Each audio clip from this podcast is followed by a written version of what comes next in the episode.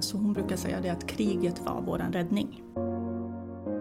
I och med att läkarna inte ville riskera att den skulle komma tillbaka en till gång så eh, be- beslöt de för att det skulle bli strålning och operation också.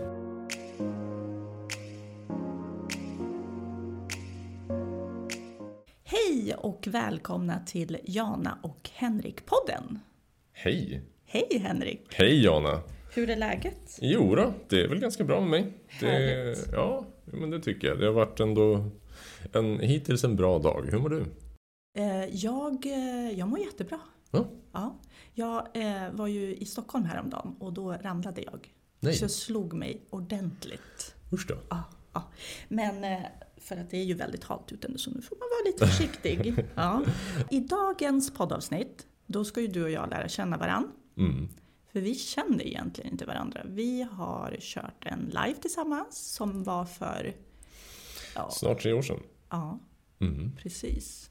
För då eh, fick jag i uppdrag att göra en eh, livepodd på min Instagram med en psykolog. Och då hade jag turen att det blev du. Ja, ja och, och tack detsamma. Det var eh, liksom det som blev lite... För, för många har ju frågat mig liksom varför jag startade Instagram-kontot och sådär. Och det har ju... ehm, det har ju sina olika skäl. Många, jag har ju försökt nå ut på olika sätt med psykologisk kunskap. Men det var just vår live som fick mig att tänka att sociala medier kanske kan vara en bra grej ändå. Ja men precis. Man når ju verkligen människor som man, ja, men i ditt fall, verkligen eh, gör jättestor skillnad. Och nu har du också släppt en bok Ja, just det. Som Precis. jag har läst. Helt fantastisk och så lättläst. Så passa på att göra reklam för dig själv. ja, ja, tack, tack, jättekul att höra. Då, det, det är jätteroligt att den uppskattas, jätteroligt att liksom att, ja, men, att du gillar den, att så många andra eh, som gillar den så. eh, Det, det är ju den här... eh, Nej men det, det kändes som viktigt för mig att göra en bok. Det är någonting jag tänkt på länge. Mm. Så att det känns väldigt kul också. Också roligt liksom att, att gå lite grann full circle från liksom att ha börjat lite mera i nya media med liksom sociala medier och börjat där till att gå över till också mera gammal media och försöka göra avtryck där. Så det, det, känns, det känns jättekul. Det. Men jag har i alla fall fått en känsla av att flera har börjat läsa böcker. Är det så? Ja, alltså det, bokbranschen i sig är väl lite grann, den står väl och väger eh, lite Okej. grann. Den fick, fick ett uppsving under corona Mm. med liksom nyförsäljningar av böcker. Men eh, nu har det minskat något tror jag senaste siffrorna var. Men, men jag tror nog ändå liksom just bara generellt, jag hoppas i alla fall liksom att generellt intresset för att liksom läsa böcker ökar. Särskilt i takt med liksom att folk är mer på sociala medier och känner liksom att oj vad mycket skärmar jag tittar på. Ja, exakt. Och det är ju det jag känner. Jag tycker det är jätteskönt att bara stänga ner och eh, läsa en bok. Mm. Eh, Framförallt din då. Ja. Men, men eh, mer då? Du är ju psykolog. ja. Ja. Vad, vad gör du mer? Vem är Henrik? Vem, ja, gud ja. Det, det är ju en jättebra fråga. Hur definierar man vem man är? Eh, Jag tänker alltid på en scen ur filmen Anger Management. När eh, Adam Sandler går i en kurs i just eh, eh, ilska hantering. Och han får frågan, men vem är du? Och var, ja men jag är revisor eller vad han nu säger. Ja men det, det är det du jobbar med. Men vem är du? Ja men jag är pappa. Ja men det är din roll. Men vem är du? Just det. Ja, jag är psykolog. Jag är sambo. Jag, är, jag har en katt. Tillsammans med min sambo såklart. Jag är författare. Jag föreläser. Jag konsultar en del. Jag gör lite ditt och datt. Nu har du en podd. Och nu har jag... Ja, det här är min andra podd. Förvisso. Just det, du har ju en till podd. Jag har en till på det. Precis. Precis, kul. Jag har ju hört lite grann när du var med i Nyhetsmorgon. Mm. Eh, och du har ju också varit med om en sjukdom. Mm, precis. Jag hade cancer när jag var tonåring. Ja. Så, och, så det, det är ju en, en väldigt... En, en, eh, en period i mitt liv som formade mig väldigt mycket såklart. Och det är någonting som jag hela tiden bär med mig. Jag fick då vad, vad som kallas för, eller det heter rabdomysarkom. Vilket är eh, lika svårstavat som det är relativt sällsynt. Mm. Och en, ja, man kan i korthet säga att det är en sorts muskelcancer. Som okay. Eh, satt liksom i, i, eh, i buken vid eh, blåsan. Mm. Så, att den, så det, och jag fick den två gånger då. För första gången då var det, då var det cytostatika eller cellgifter som man eh, ofta kallar det. Och eh, sen, det var när jag var 14. Och sen kom den tillbaka när jag var 17 ungefär. Och eh, då var det, i och med att läkarna inte ville riskera att den skulle komma tillbaka en till gång. Så eh, beslöt de för att det skulle bli strålning och operation också. Mm. Så, operationen ledde då till att de tog bort hela blåsan i princip. Mm. Och eh, gjorde en ny. Okay. Så att, eh, nu har jag en eh, kontinenturostomi som det mm. kallas. Mm. Men hur är det att leva med det då? Ja, det är lite lurigt. Alltså, det, det hade ju varit enklare om man bara kissar med pillevinken som mm. de flesta brukar göra. Men eh, det, det funkar. Alltså, och, och det är väl just det här, många Många frågar eller liksom har sagt liksom, åh du är så stark eller liksom, åh vad du har klarat av saker. Det är så otroligt. Och många som har varit med om tuffa saker får höra samma sak. Liksom att jag hade aldrig klarat av det du hade klarat av. Och så Men varje gång någon säger så, så det första jag tänker på är, men jo det hade du. Mm. För det, alltså det, det som det finns ingenting som är så motiverande som att ställas inför sin egen död. Och hade man haft hade du haft det, hade du, du som lyssnare haft liksom den här sortens cancer eller någonting liknande. Då hade du ju gjort precis allt vad du kunnat för att leva. Mm. Eh, så att det är liksom... Man, Ja, visst. Det är, det är lite mera bök och lite mera planering i livet och sådär. Och det är klart att jag ju hellre önskat att inte ha det här. Men så är det. Och det är priset man får, jag, jag fick betala för att få leva. Och det är jag helt okej okay med. Mm. Och du sa i början att det har ju format dig. Mm. Det blir ju så när man har varit med om något. Vilket alla människor har ju varit med om någonting. Det finns ju ingen som får gå helt oberörd genom livet. Eh, och som du säger, man klarar ju faktiskt av det mesta. Eh, sen så är det ju lite olika på hur, hur man gör det såklart. Mm. Eh, men ja, tack för att du ville berätta. Ja.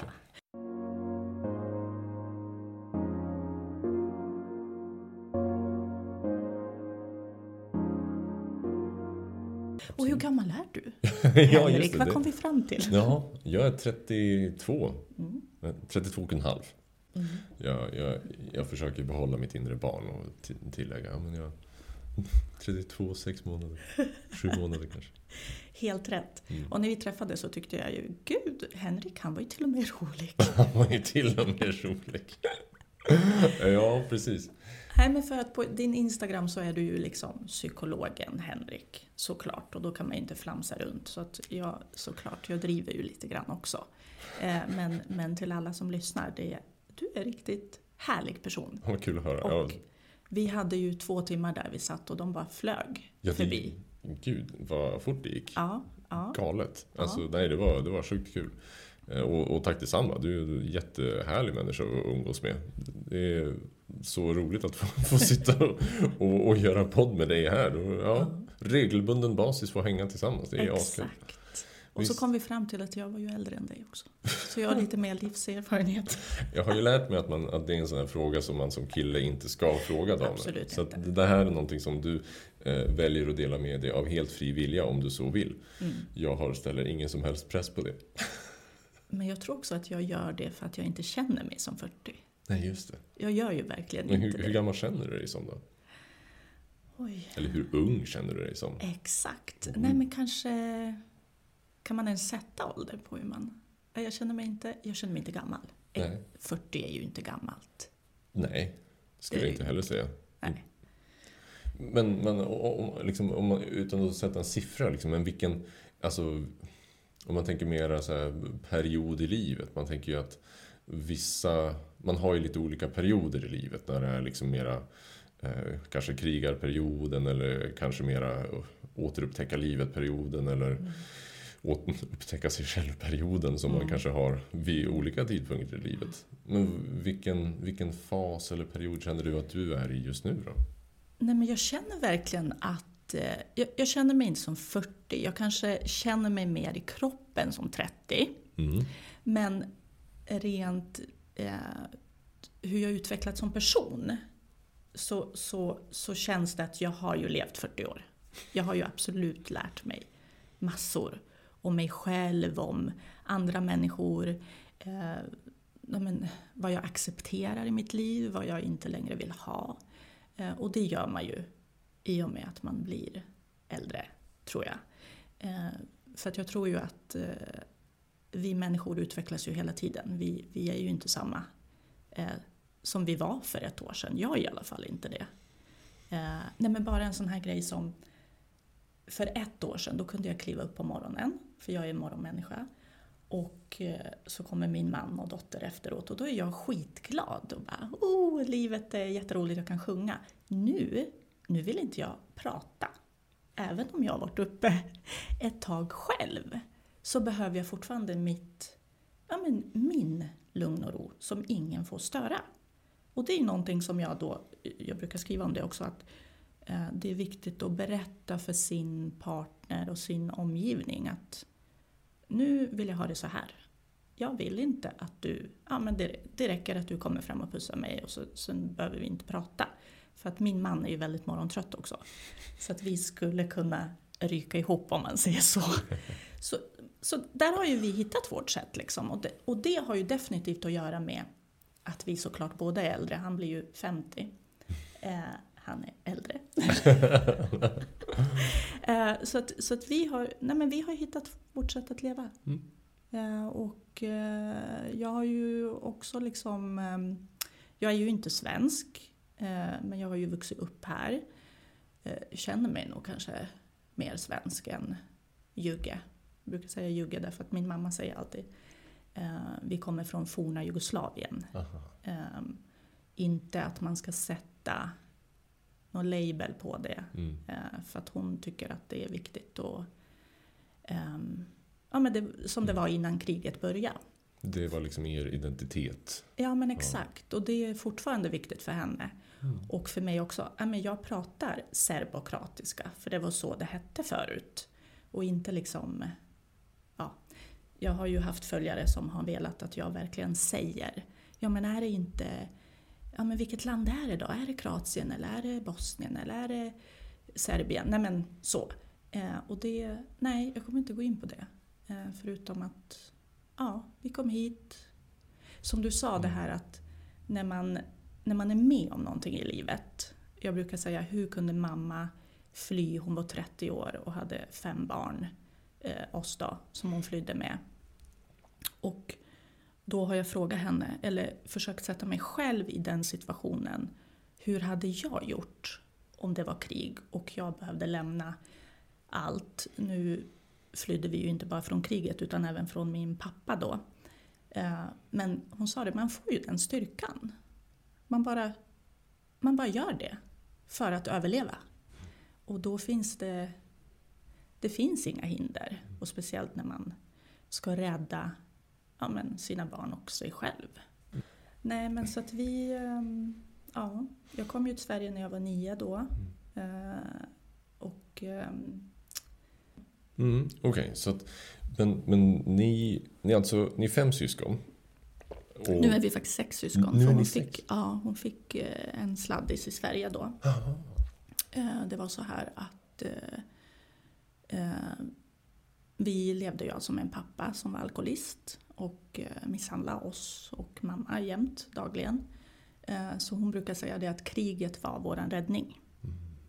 Annars hade inte vi kommit till Sverige, vi hade inte levt idag. Eh, och då när, när, krig, för när krig börjar då får man ju då får man en chans att lämna. Eh, men han tillät inte det. Mm. Så vi blev ju kvar eh, under två års tid då under kriget. Eh, och ehm, sen gömde han våra pass. Det låter som en otrolig resa ni har fått göra, hela familjen. Ja. Mm. Men det är som du säger, det formar ju en också. Mm. Om man säger så, man jag, jag, jag, kan tycka liksom att alltså det här kring liksom att tycka synd om och så. Man kan tycka att det är synd att man har tvungen att genomlida det man har fått erfara. Jag menar, mm. jag, en, liksom, som jag känner kring min cancer, jag anar att hade du fått valet mm. att liksom inte ha en alkoholiserad farsa och inte behöva fly från hem, familj, släkt, liksom ditt, ja, ditt hemland. Mm. Då anar jag att du kanske hade valt att, inte, att slippa det. Precis. Men, eh, och, men det är okej okay liksom att... Man väljer ju inte. Nej, men eller hur. Så är det ju. Och, och som du säger, visst. Du har fått ett bra liv, du har en mm. man du älskar, du har en underbar mm. dotter. En familj som älskar dig. Det är otroligt. Mm, Så. Precis. Man blir ju på något sätt eh, väldigt stark. Det blir man ju. Och eh, när jag var yngre så, ja, man skämdes ju. Jag skämdes i alla fall för mm. mitt liv. Eh, jag ville inte berätta att jag kom från krig eller ja, speciellt inte vad, hur pappa var. Eh, han lever ju inte idag då. Eh, men nu så är det, nu när man är äldre har man ju förstått det är ju inte, det har ju aldrig varit mitt fel. Det är inte barnens fel. Det är inte det är inget barn som väljer att ha ett sånt liv eller en kvinna och bli slagen. Eh, men det är också, man måste också ha styrkan att lämna. Mm. Och eh, våga be om hjälp. För mamma gjorde det bara en gång när hon var då 19 år och var gravid med min första bror. Då bad hon om hjälp och eh, det var ju väldigt... Just på den tiden man skulle ju bara acceptera så hon gick tillbaks och bad dem aldrig mer om hjälp. Eh, men vad jag skulle komma tillbaks till sladdisen då som hon fick i Sverige, det var faktiskt hennes pappa då som min mamma och han var barndomsvänner. Det var hans förtjänst att vi kom till Sverige för han, ja, han och hans familj visste om att eh, ja, vi var ju i krig och lite grann om pappa och sådär så att de brevväxlade i hemlighet så de fick ut oss. Så att vi satte oss, satte oss på en buss utan pass eh, och eh, mer eller mindre smugglades in. Eh, vi fick pass på vägen. Men eh, de lever ju inte i, tillsammans idag då, men vi är ju evigt tacksamma såklart eh, för det och för ett liv vi får leva här. Och sen då liksom att som nioåring kastas in i Sverige, vart, vart, eh, om vi bör, alltså lite praktiskt så bara, vart hamnade ni i Sverige? Vi hamnade ju först, eh, först faktiskt i Uppsala några dagar. Okay. Eh, hos dem då. Och sen så bodde vi i Gimo på en flyktingförläggning. Och det var ju såklart flera års tid av att det var jobbigt. Jag fick gå till psykologen såklart. Och eh, vi fick otrolig hjälp. Eh, och eftersom mamma var så misshandlad mm. så blev ju, pappa fick ju inte ta sig in i Sverige. Eh, så det blev ju också en trygghet att veta att han kom inte. Um, men jag kissade, mig, kissade på mig i sängen tills jag var 15. Uh, både för liksom det som hände med pappa. Men också kriget. Jag såg ju mina syskon bli skjutna. Eh, de lever. Eh, men man har ju sett mycket. Eh, och ja, det är svårt att förklara riktigt vad ett barn känner. För att det är samma sak som när jag pratar om jag menar, jag älskar ju champagne och vi firar ju mycket i, jag och min man, vi dricker ett glas och tycker att Vi är ju liksom egna företagare och kämpar och är man egen företagare så, så, så går ju också livet upp och ner och allt som man startar går ju inte bra jämt. Så vi gillar liksom att, att fira. Eh, men det finns ju också gränser. Man ska ju inte dricka mer än vad man klarar av. Och, och vet man att man inte gör det, då ska man inte dricka. Eh, och jag pratar mycket kring det. Just det här med alkoholen och uh, vad barn känner. Mm. För att jag menar, ha en rädsla varje dag som barn. Det ska ingen få ha. Vilken pappa är det jag har idag liksom? Ja, exakt. Vi hade ju tyvärr ett monster varje dag. Mm. Uh, förutom då när han fick vara ute i kriget. Då, då var det av någon sjuk anledning Även fast vi var liksom gömda i skyddsrum och allt så, så var det tryggt. Alltså det är ju sjukt. Men eh, ja. Det talar väl också någonting till hur pass Alltså hur tufft ni som barn upplevde det då mm. och hur du upplevde det. Alltså din uppväxt så när det till och med kan vara, bli en Alltså kännas skönt att mm. landet är i krig. Mm. Precis. Det, då är det ju då är det, då är det illa. Mm. Verkligen. Mm. Nej men jag, jag, tycker verkligen att det är så viktigt att eh, ja, men föräldrar tänker på hur man är bland sina barn.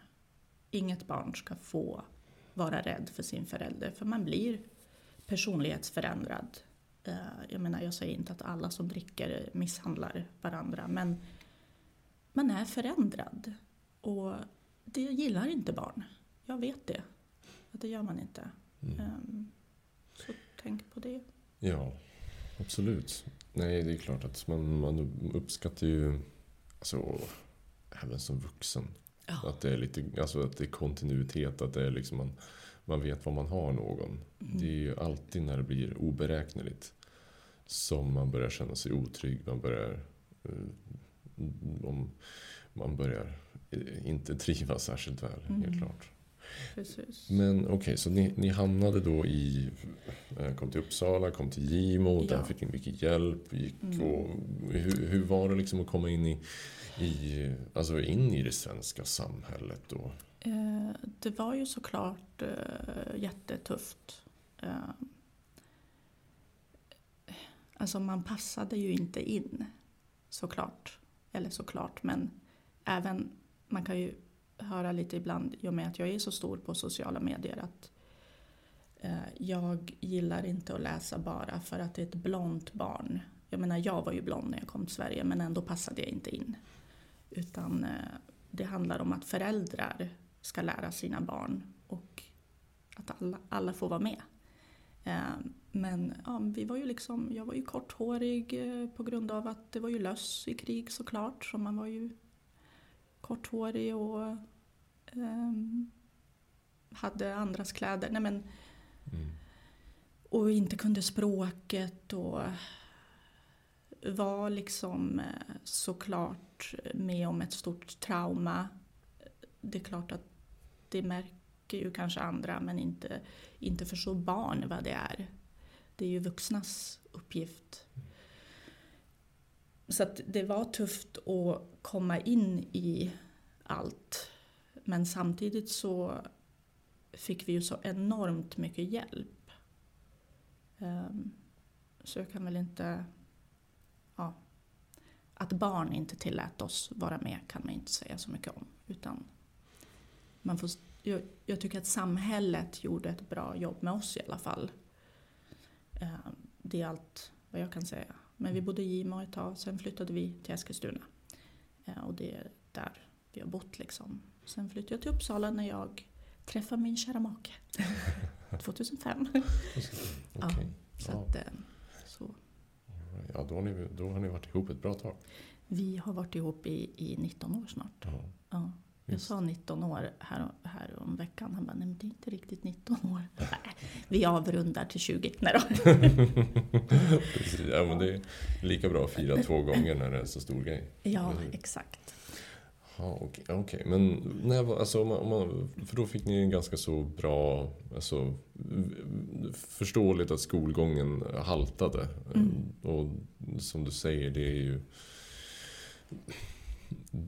Som det så ofta är med barn. De är underbara men de kan också vara ganska så eh, tuffa mot varandra. Mm. Absolut. Så är det ju. Um, hur var det, alltså när började du känna liksom för alltså att ja, men Sverige det, det är mitt land också? Ja, jag kanske gick i nian då. Mm. Ehm, så jag var ju mobbad länge. Och eh, helt plötsligt så, så nej men, växte jag till med eller vad man ska säga. Nej men jag började få skinn på näsan. Eh, jag började säga ifrån eller ja, men fick långt hår och då ja men då blev man ju poppis. Eh, det är ju helt sjukt men, men eh, och min mamma har ju aldrig liksom velat ta hjälp av samhället utan hon städade, hon bakade bröd så vi fick ju gå och knacka dörr och sälja bröd för att få in pengar. Eh, och sen eh, efter många år så startade hon eget städbolag eh, där hon fick jättestora kunder. Alla bygg, stora byggbolag och byggprojekt och ICA och banker och allt möjligt. Så att hon har kämpat jättehårt för oss och att vi ska få ett bra liv. Ehm, men, men det innebar också att hon jobbade ju extremt mycket.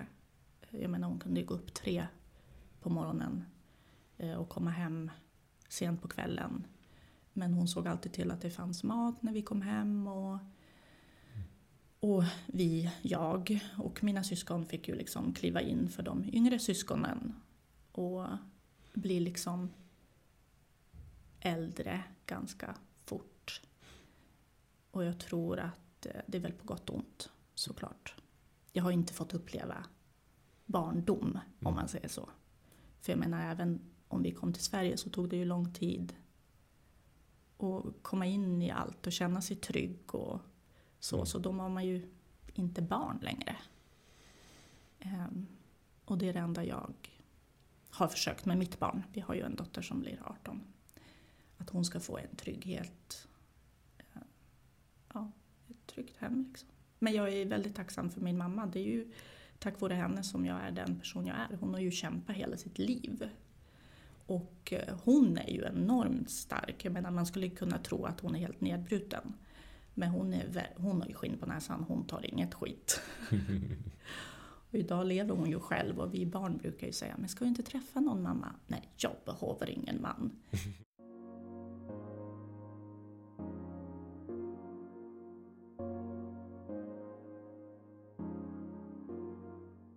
det här är ändå mitt hem. Sverige känns ju som mitt hem. Och jag vill ju inte på något sätt säga att min historia eller mitt liv eller min uppväxt är värre än någon annans. Jag menar, det är ju hur vi upplever eh, saker. Och som jag sa, att väldigt länge så skämdes jag. Och varför jag gjorde det, jag vet inte. Eh, för det är inte jag som har valt mitt liv. Eh, Nej, men jag tänker också att i en sån situation att skam är väldigt, en väldigt naturlig liksom, respons. För skammen är ju den här känslan som säger att jag är, är fel. Mm. Om jag har skulden, då är det liksom jag har gjort något fel. Och när man då kommer från ett krigshärjat land och då, alltså som med din bakgrund med en alkoholiserad farsa som Alltså, nu, nu gissar jag bara här, men jag anar att han inte höjde din självkänsla direkt. Nej, Nej troligtvis inte. Mm. Så äh, är det ju naturligt att man när man då kommer in där och känner sig utanför deluxe mm. ser, i alla fall, även om det, fann, det finns alkoholiserade farsor här också, så kanske man ser den här idylliska bild, bilden av mamma, pappa, barn hos alla sina klasskamrater. Mm. Och då känner man den här, ja, mitt hem, eh, liksom, mitt hem var i, i, i lågor, mitt hemland är i lågor. Mm. Och nu kommer jag hit och alla liksom springer runt som om den, det, det, det jobbigaste som finns är att det är slut på Kalles Kaviar på fikat. Exakt så. Du sätter verkligen ord på känslan. Eh, och det har jag ju känt länge, att jag nästan har varit ja, men irriterad och arg Eh, på att folk gnäller på ja, men, slut på Kalles Kaviar. Liksom. Man bara, hallå vänta. Eh, och, det, jag pratar ju väldigt mycket om tacksamhet i mina sociala medier för det, det är bland det starkaste jag bär med mig. Eh, för att jag menar, vi tar ju väldigt mycket saker för givet. Även jag idag. Och kommer på mig själv, nej men vänta nu, vad, vad, är det här? Det här är väl ingenting att gå runt och gnälla över. Eh, att snön har smält och det är halt och du har gjort illa dig. Mm. Tråkigt för dig för du tog på dig fel skor. Men lite så. Eh, men tacksamhet, jag menar Eh, vi har ju varit utan både mat och vatten. Eh, jag har ju fått mat direkt där en kvinna har tuggat maten och såg att jag var hungrig så hon spottade ut det och jag, jag åt upp det. När man är så hungrig, då gör man det. Eh, så det finns verkligen ingenting som man inte... Det är klart, när du, be, när du befinner dig i en jobbig situation i livet då kan det ju verka väldigt svart. Men jag tror att vi på något sätt, alla människor kan fixa det mesta. Om vi inte lägger oss platt.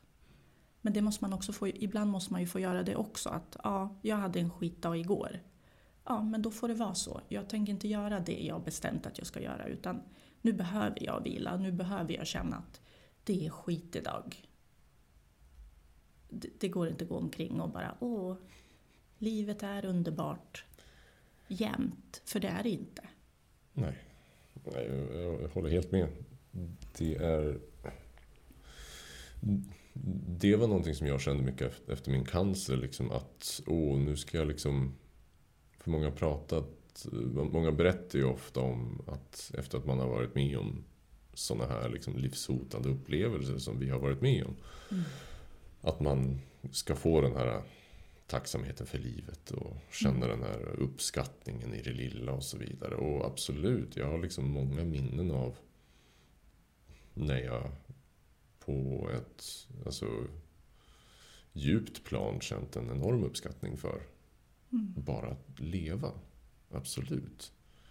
Men det hindrar ju mig inte från att tycka att det är drygt att, min, att det läckt in vatten i skon Mm. Att min strumpa nu är lite så här ljummet fuktig. Som den kan bli ibland. Alltså inte så här kallfuktig utan ljummet fuktig. Man känner liksom, alltså den borde vara torr nu men den är inte torr. Mm. Eh, sånt kan man ju absolut få gnälla mm. lite på. Och, och, och för, för, många säger också att men jag ska inte gnälla. Ja, men kör hårt. Det är ja. helt okej. Okay. Ja. Alltså gnäll på. Jag, alltså man, alla, det är klart att alla vet, när man, när man gnäller så vet man ju ofta någonstans också att ah, det finns värre saker. Exakt. Men man behöver ibland bara få ur sig lite grann. Ja. Det får man väl göra. Och det är ju jätteviktigt. Att, få, att just få ur sig. Mm. Och inte gå runt och bära på ilska själv eller tro att ja, ja, nej men jag menar för vi är ju experter i Sverige på att säga ja men det är bra om någon mm. frågar hur är det. Men om det inte är bra, säg det. Vad, liksom, vad är det att skämmas över? Eh, och jag, jag, pratar ju väldigt mycket med, jag menar sociala medier som vi båda är i. Eh, allting är ju väldigt bra där. Allting är ju perfekt. Så bra på ah. sociala medier. Ja. Det är så bra. Mm, exakt. Nej men du vet, man ja, ja. har ju världens bästa man och man har världens bästa liv och man har världens bästa barn. De bråkar aldrig. Eh, alla är perfekt klädda, aldrig smutsiga och så vidare. Mm. Men, eh, det är inte riktigt så. Och även ens vänner som uppdaterar på Facebook och oj oj oj allting är så perfekt även idag. Jag menar, det är ju sällan någon som väljer att lägga ut när det är en skitdag de flesta väljer ju faktiskt att dela med sig av det fina i livet. Och, och det är väl skönt, för jag kanske inte skulle följa någon som gnällde varje dag heller. Varenda dag. Nu är det hål i min sko idag igen och det är ljummet.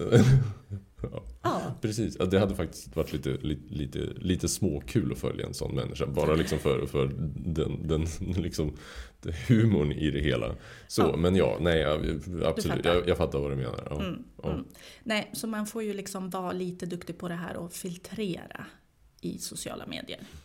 Eh, och även de här barnen som jag såg i skolan sprang runt och var jättelyckliga så hade ju jag ingen aning om vad de gick igenom hemma hos dem.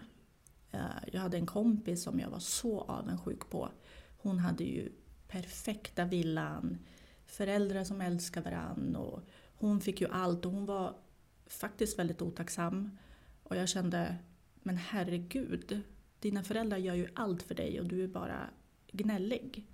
Eh, och jag visste ju liksom inte vad som föregicks där. Det var ju inte heller helt felfritt. Så man kan ju inte hålla på och mäta sig med varandra eller aha, nu har den där personen rest igen och det, den gör det och den har det. Alla har sitt. Det tror jag absolut. Det finns ingen människa på jorden som går runt och inte har någonting som den oroar sig över eller kämpar med. Sen är det ju såklart olika faser i livet. Nu har ju jag en fas där den är peppar peppar super. och då är det bara hänga med. Men jag vet ju att jag också kommer möta utmaningar.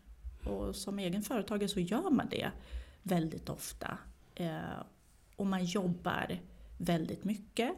Och ibland så har man perioder där man kan ja, varva ner. Mm. Så så är det. Ja. Absolut. Nej, det, det, det är som du säger, det går i perioder. Och det, jag, tror, jag, jag, jag kan själv tycka liksom att även trots att liksom jag är i ehm, eh, psykisk hälsa-branschen så kan jag också liksom tycka att det är svårt att, att lägga upp liksom på de dagar när jag mår dåligt. Liksom lägga upp just att ja, men idag mår jag dåligt. Mm. Typ. Eh, eh, det, det kan jag definitivt liksom känna att det tar emot lite granna.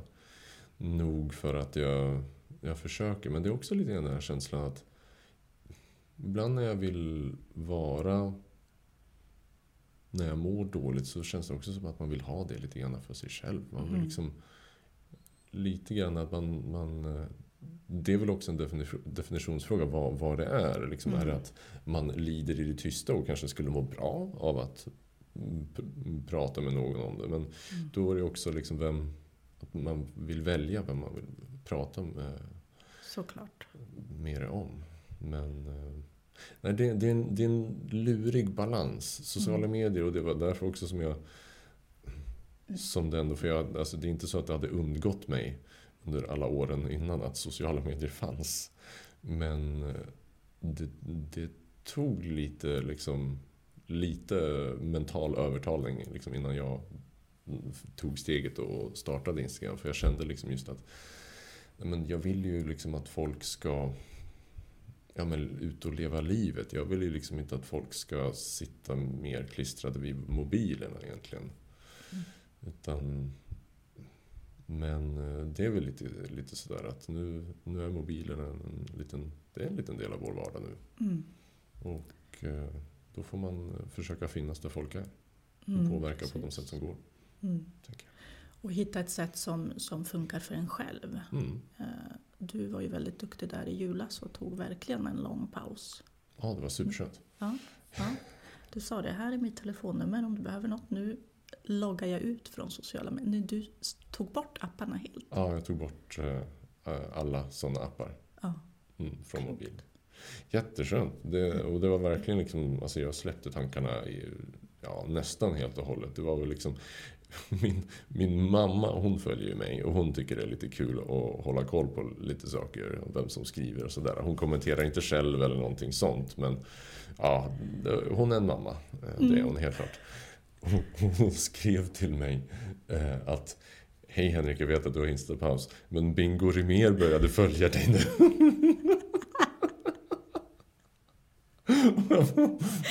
Okej, okay, tack. Då vet jag. Gud vad Ja, så ja, Bingo, om du lyssnar. Hej Bingo, min mamma vet om att du följer mig. Ja, Och nu följer han dig. tydligen. Mm. En, enligt min mamma Ja, i alla fall. ja. Så en, en enligt mig säker källa i alla fall. Mm. Men det där är ju, det är ju så underbart med mammor. Jag menar, men jag är ju likadan. Jag får, ju, typ- jag får inte följa Maja på TikTok. Nu, nu kom det fram. Men ehm, eh, då kan hon säga till mig, jag är inte så bra på TikTok. Jag har till och med varit på en utbildning om TikTok. Ja, men då sa hon till mig, ja, jag ser att du är inne ibland och tittar. Men nej, jag följer inte. Man får väl ge lite space. Men däremot så, så pratar jag ju väldigt mycket om sociala medier med henne. Mm. Och eh, det här just med paus och hur lång tid det tar för hjärnan att liksom koppla bort allt när man väl har scrollat. Man vet ju själv om man sätter sig hur snabbt tiden kan gå. Mm. Eh, och det vill jag ju inte Nej. ett barn. Man måste kunna hantera det där innan man ger sig ut. Oh ja, det, det tror jag verkligen. Och det tror jag säkert är någonting som nu har det ju varit liksom, den här utvecklingen har ju gått eh, enormt snabbt. Men det är säkert någonting som kommer vara, om det inte blir en del av, av eh, eh, om det inte blir en del av liksom skolämnena eller någonting sånt så kommer det definitivt bli någonting som alla föräldrar sätter sig ner med sina barn och, och pratar om. Mm. På samma vis som jag minns när, när, när jag var liten att vi fick, vi fick ha var de här typ datorkurser där vi fick sitta och lära oss att skriva med tangentbord och Mm. sådär. Och eh, jag minns att min första, och då skulle vi skriva en liten dagbok. Mm. Och vi hade en jätterolig lärare, Louise hette han. Eh, fantastisk kille och liksom hade en så bra hand med oss. Mm. Eh, någonting som jag fortfarande minns honom Mm. för. Men så var det en gång som, som jag vet inte, jag hade i, gjort någonting och han hade sagt till mig att ja, men eftersom ja, så här kanske man inte får göra. Mm. Och då hade jag mitt dagboksinlägg på, i Word-dokumentet på datorn. Som om han inte kunde liksom läsa. Liksom. Idag var Louise dum. jag tyckte det. Ja. Ja. Men ändå så fint. ja. Men det är ju det man önskar idag, att det var lite... Jag menar, alltså, nu låter jag ju jättegammal, men vissa saker var ju faktiskt bättre förr. Eller hur? Ja, jag vet. Toblerone. alltså vad har de gjort? Vad har de gjort? Gud. Det är liksom, nu är de så jättesmala. Förut var de alltså tjocka grejer. Alltså det var verkligen... Och nu är det, nu har de, alltså shrinkflation, det är hemskt. Jag gillar ju inte Toblerone, så att jag, Jaha, okej, ja. ja. Varför pratar jag med dig om det här? Herregud. Ja, ja. Jag gillar choklad. Du gillar choklad, men Ja. inte Toblerone? Nej, men alltså nej, det är någon konstig smak. Men, men vilken sorts choklad är det du gillar då? Ja, men Marabou Okej. gillar jag ju. Så det är typ Toblerone? Det är liksom, det är... Eller nej, min favorit är lint. Jaha, men det är lite mörk choklad eller? Ja, Okej. gärna. Jaha, ja. ja, men då förstår jag. Mm. Så, okej. Så. Toblerone är väl lite så här, är inte det lite mintigt? Nej, men de har någonting, eh, lite smånötter tror jag det är, så att det gör det lite knastrigt i Mhm. munnen. Det, är- det är min definition av det i alla fall. Alltså, nu, nu ska jag, alltså jag, är inte, jag, jag, är, jag är inte sponsrad av Toblerone. Jag nej. äter heller inte jättemycket. Det var någonting som var bättre förr och det var inte Toblerone. Nej det, var, nej, det var... När vi fick Maja, Mhm. då hade inte jag sociala medier. Eh, och jag kan tycka så här, det var underbart. För att jag har fått så mycket tid med mitt barn. Eh, jag säger ju inte något dåligt om föräldrar nu, men, men jag vet ju att det tar ju så extremt, extremt mycket tid och fokus ifrån ja, men just barnen. Och ja, men egentligen allihopa. För att jag menar, i dagens samhälle, hur, mycket, hur ofta ringer man en kompis? Nej, man smsar, man skriver DM på sociala medier. Och, och det är ju någonting som jag har sagt åt mig själv. Nej, mer ta telefonen, ring upp då om det är något istället för att hålla på och smsa. Mm. Och ses mer och liksom lägga ifrån sig telefonen. Sen är ju jag är ju ännu mer i sociala medier kanske än vad du är, tänkte jag säga. ja, det, vem vet, du skulle se mitt scrollande. Men, ja. ja, du menar så. Men, men jag ska ju liksom eh, uppdatera hela tiden vad jag gör och hit och dit. Mm. Så att, eh, men jag har ändå kommit på att nej, man kan filma lite snabbt, för det går ju snabbt. Eh, och sen får man lägga ifrån sig och så får man lägga upp det sen. Det är mm. också bra. Um, nu, nu, har ju jag, nu är jag väldigt förskonad och har fantastiska följare. Men um, man ska också kanske vara lite försiktig med att dela vart man är och vart man springer och hit och dit så man kan lägga upp sånt sen. Rimligt klokt och mm. alltså nu, nu talar jag lite grann utifrån en ganska privilegierad position i och med mm. att jag är man och mm. Eh, eh Psykolog? Ja, ja precis. Ja, det, det, kanske det också. Nej, jag, bara, jag tänkte mer utifrån liksom att jag, jag, jag har aldrig behövt, jag har aldrig känt mig liksom, nog för att jag har, alltså ibland sådär, men inte på, på samma nivå som jag kan tänka mig att man kan känna en rädsla som kvinna. Mm. Typ att, ja, nu är jag ute och springer i skogen och det är lite halvmörkt. Mm. Kanske inte en jättekul känsla liksom, om man då vet också att det kan finnas någon där ute som vet var jag, var jag är. Mm, precis. Visst. Um, ja, man, mm. får vara, man får vara lite försiktig tror jag. Det, det, kan vara klokt. Det är väl bara sunt.